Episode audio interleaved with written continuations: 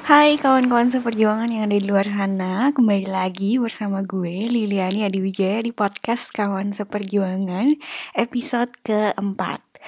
Episode kali ini rasanya bakal rada berbeda sama episode-episode sebelumnya Karena kali ini gue cuma mau sharing tentang perjuangan gue sendiri untuk masuk ke dalam satu ruang yang dinamakan kedewasaan kalau kalian semua yang dengerin itu ada follow account Instagramnya @kawanseperjuangan.podcast. Kalian pasti udah dengerin podcast Instagram yang gue bikin, judulnya Manusia Dewasa. Gue bikin ini udah kayaknya lebih dari sebulan yang lalu dan somehow setelah bikin ini gue jujur mengalami intrik di dalam diri gue yang luar biasa. Luar biasa melelahkan dan menjatuhkan. Dan tentu saja gue nggak menciptakan intrik-intrik itu sendiri, tapi ada faktor-faktor eksternal dari banyak banget hubungan interpersonal yang gue jalani sekarang. Dan faktor-faktor eksternal berupa masalah-masalah ini cukup memberikan tekanan yang besar terhadap diri gue saat ini. Jadi gue mau minta maaf sebelumnya karena gue udah absen selama lebih dari sebulan. Gue gak upload podcast apa pun. Tapi buat gue lebih baik gue mundur selangkah untuk memperbaiki diri gue dulu daripada gue maju membagikan cara pandang gue untuk kalian semua, tapi gue sendiri tidak melakukannya. So kita mulai aja, mungkin bahasa gue di sini sedikit lebih puitis dari biasanya. Hidup adalah kompilasi pilihan-pilihan. Begitulah kata sahabat gue yang sudah gue anggap sebagai kakak gue sendiri. Ketika masalah-masalah di dalam hidup gue mulai datang, entah siapa atau apa yang menyebabkan. Gak penting rasanya. Yang nyata hanya pilihan-pilihan di depan mata. Dimulai dari mau dihadapi atau meletakkan beban saat ini. Sekarang atau nanti. Diri sendiri atau orang lain. Di sini atau di sana.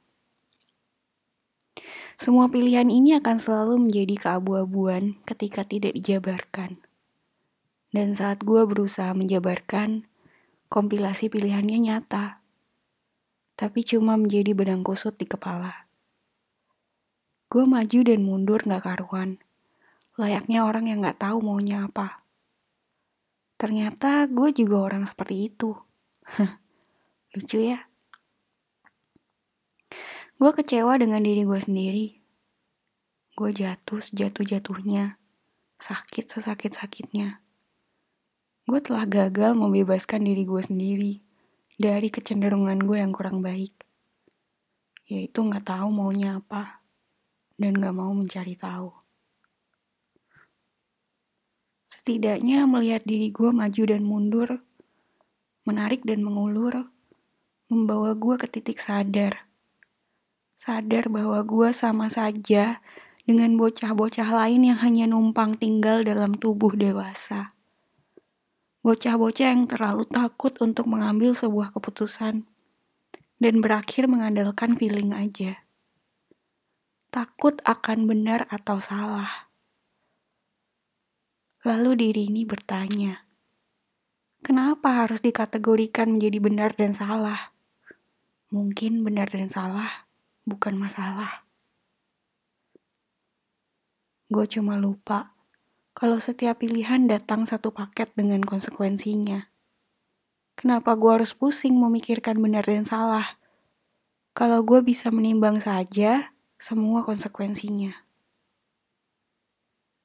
Gue jabarkan setiap konsekuensi dari setiap pilihan yang ada. Gue menginvestasikan banyak waktu gue di sini Setidaknya cuma untuk mengetahui apa keinginan gue dan apa kebutuhan gue. Melihat segala konsekuensinya, ketakutan akan benar dan salah digantikan dengan ketakutan yang sesungguhnya.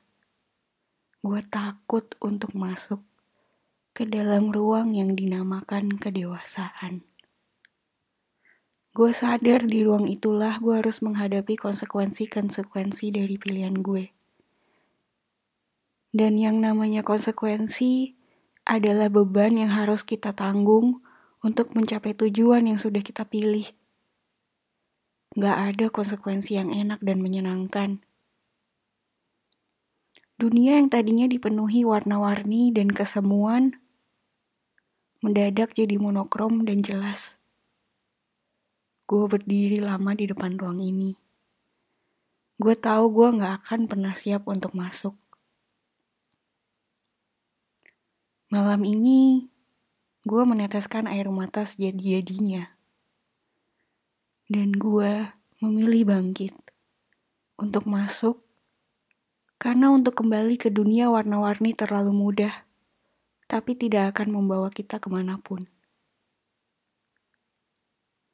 Gue yakin perjuangan yang sesungguhnya di sana nyata, berat dan terjal.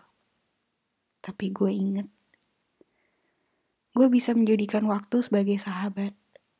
Sehingga ketika gue jatuh nanti, waktu akan mengizinkan gue beristirahat. Gue juga yakin bahwa semua hal baik gak pernah mudah, tapi selalu mendatangkan senyum dan kebahagiaan yang sebenarnya.